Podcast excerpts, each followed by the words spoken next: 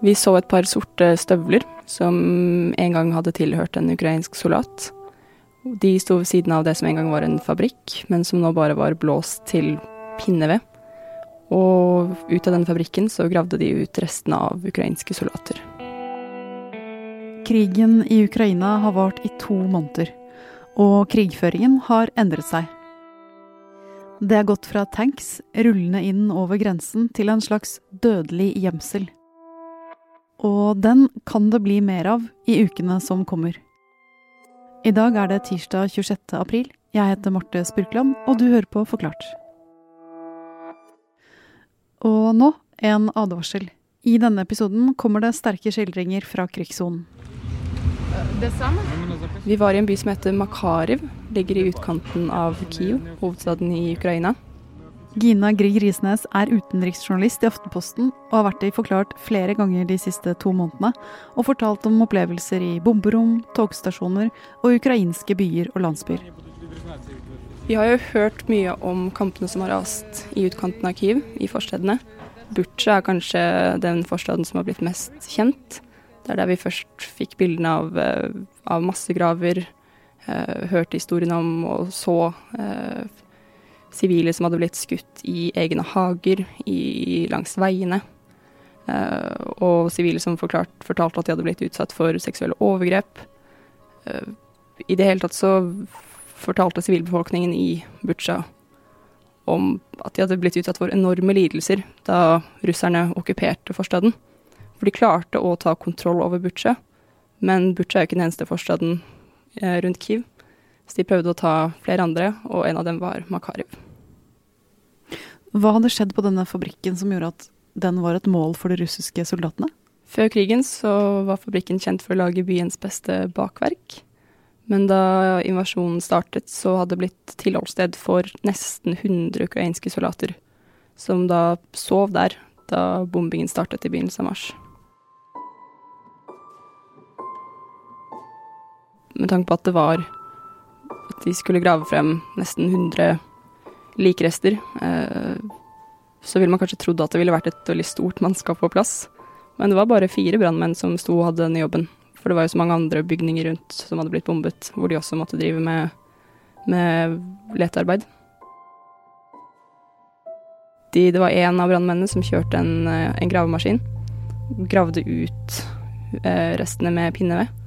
Og så kom det en annen brannmann med en spade og gravde frem kjøttklump etter kjøttklump med menneskerester, eh, som da var surret inn i de svidde restene eh, av uniformene til ukrainske soldater.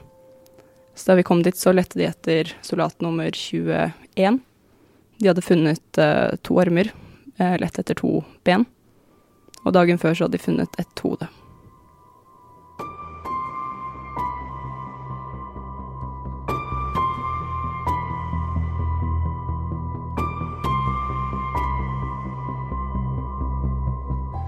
Den krigen som vi nå ser i Ukraina, kan jo nesten beskrives som en slags eh, dødelig gjemsel. Nå prøver både ukrainerne og russerne med alt de har av virkemidler å finne soldatene, våpenlagene til andre, og målrette bombene der. Og eh, for soldatene så dreier det seg om å gjemme seg, holde seg skjult, ikke vise hvor man eh, befinner seg.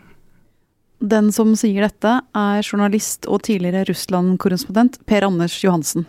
Og dødelig gjemsel blir det mer av i Ukraina nå som krigen går inn i en ny fase. Det kommer vi tilbake til. Men først. Early this morning, Russian troops invaded Ukraine, a free and sovereign country. And once again in the center of Europe. Hva gjorde Vesten da krigen i Ukraina brøt ut? Russland ble jo møtt med massiv fordømmelse. Eh, diplomater ble trukket ut. Eh, det ble innført veldig strenge sanksjoner. Og eh, det ble også sendt våpen. Jeg og min kollega her i Aftenposten vi kjørte jo langs den russisk-polske grensen og så med egne øyne hvordan lange lange kolonner med militære kjøretøy kom kjørende om natten. Det ble sendt veldig raskt store mengder lettere våpen, panservernvåpen, som Ukraina trengte. Men det som jo var et dilemma eh, for Vesten i starten, er jo hvor tungt utstyr man skulle gi. Dilemmaet var at på et eller annet tidspunkt kunne våpenhjelpen bli så omfattende eh, og selve overføringen av våpen så utsatt at man risikerte at Nato og Russland ble trukket eh, inn i en krig direkte. Da russerne rullet inn i Ukraina, var et av ønskene fra president Zelenskyj at Nato skulle ta kontroll over ukrainsk luftrom. Altså stenge det for russiske fly, sånn at de ikke kunne bombe Ukraina. Men hvis Nato gjorde det, ville det vært stor sjanse for at russiske fly og Nato-fly ville kommet i direkte konflikt, mente Nato. Og vips kunne Nato være med i krigen. Og det kunne de ikke risikere. For det kunne ha blitt en tredje verdenskrig. Men selv om Nato har vært tydelig på at de ikke ville gå inn direkte i krigen på Ukrainas side, har de likevel hjulpet til på andre måter, i hemmelighet.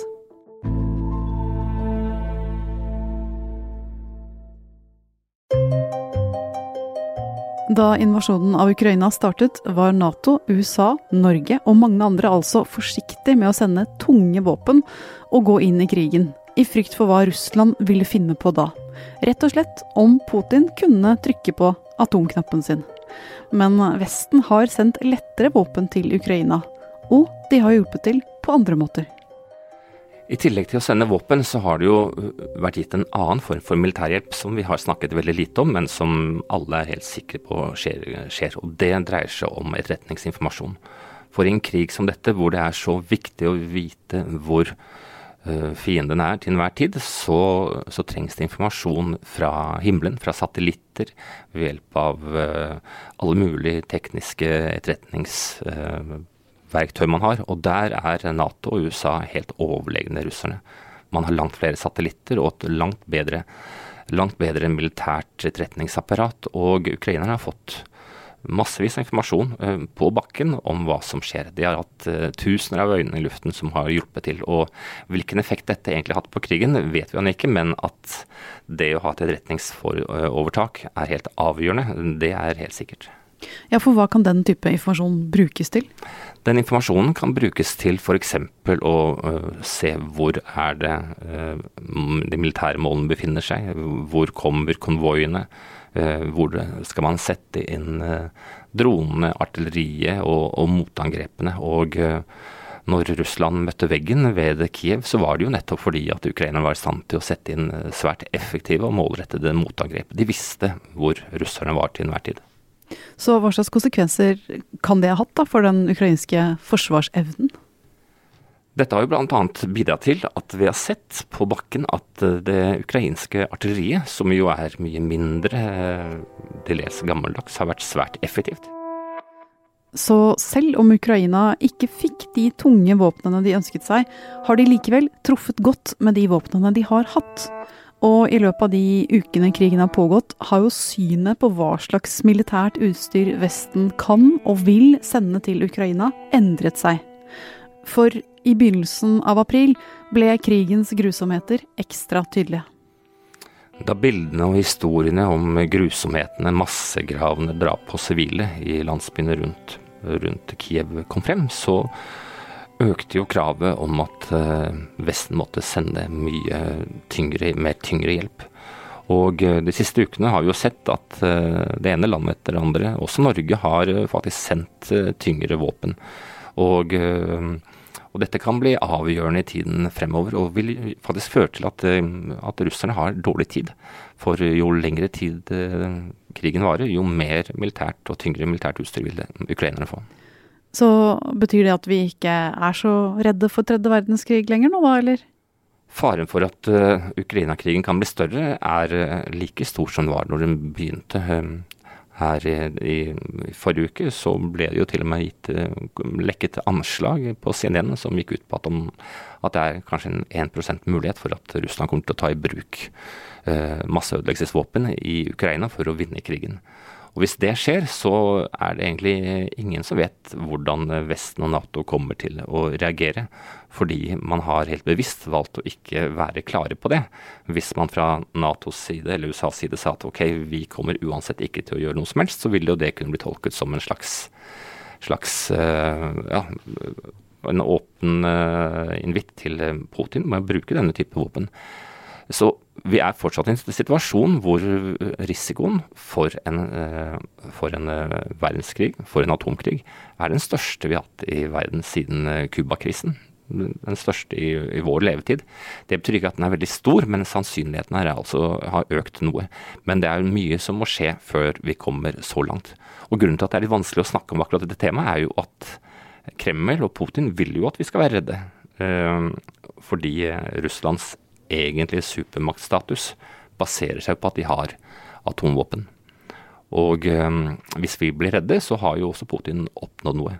Men på andre siden, hvis ikke vi tar hensyn til at dette her er en risiko, så risikerer vi å seile inn i en uh, konflikt som kan bli mye mer katastrofal. Today, men selv om tredje verdenskrig fortsatt truer i bakgrunnen, er USAs president Joe Biden litt mer klar til å kaste silkehanskene.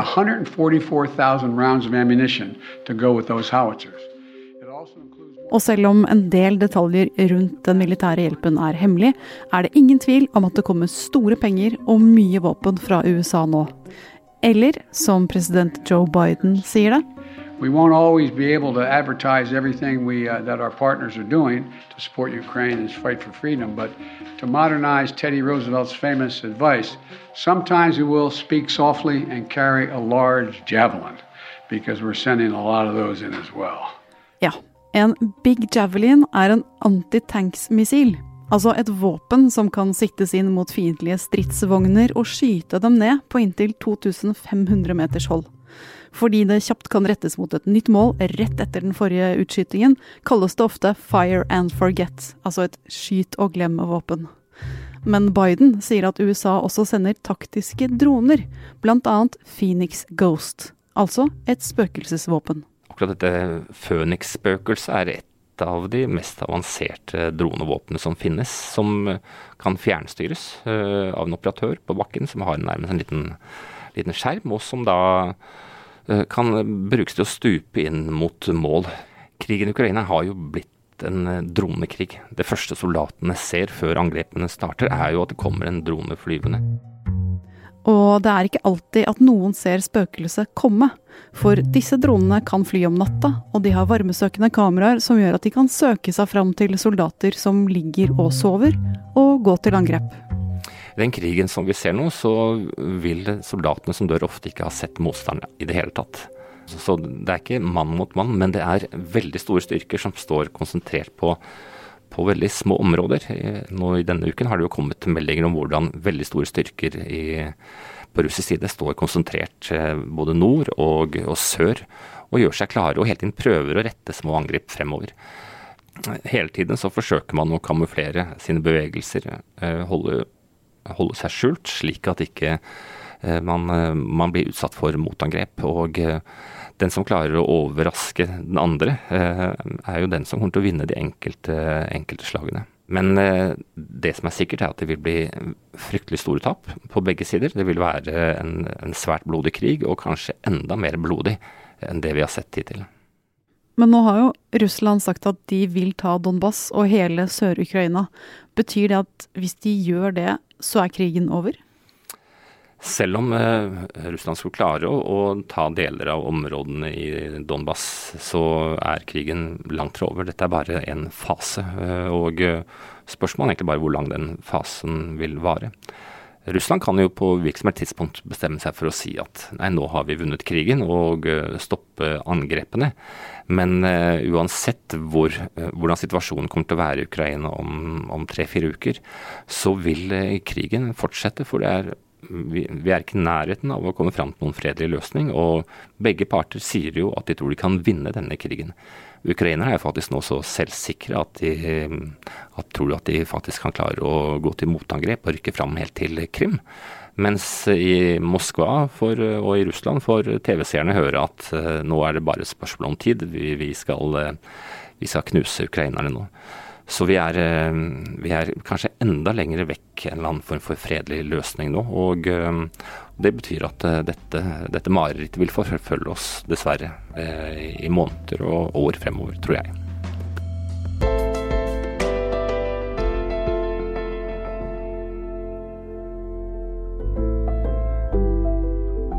Det var Gina Grieg Risnes og Per Anders Johansen som fortalte om dødelig gjemsel i Ukraina. Du har hørt eh, lyd fra Ginas opptak og AP.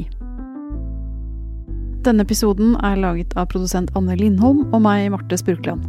Resten av Forklart er Synne Søhol, David Vekoni, Fride Nesten Onsdag og Anders Weberg.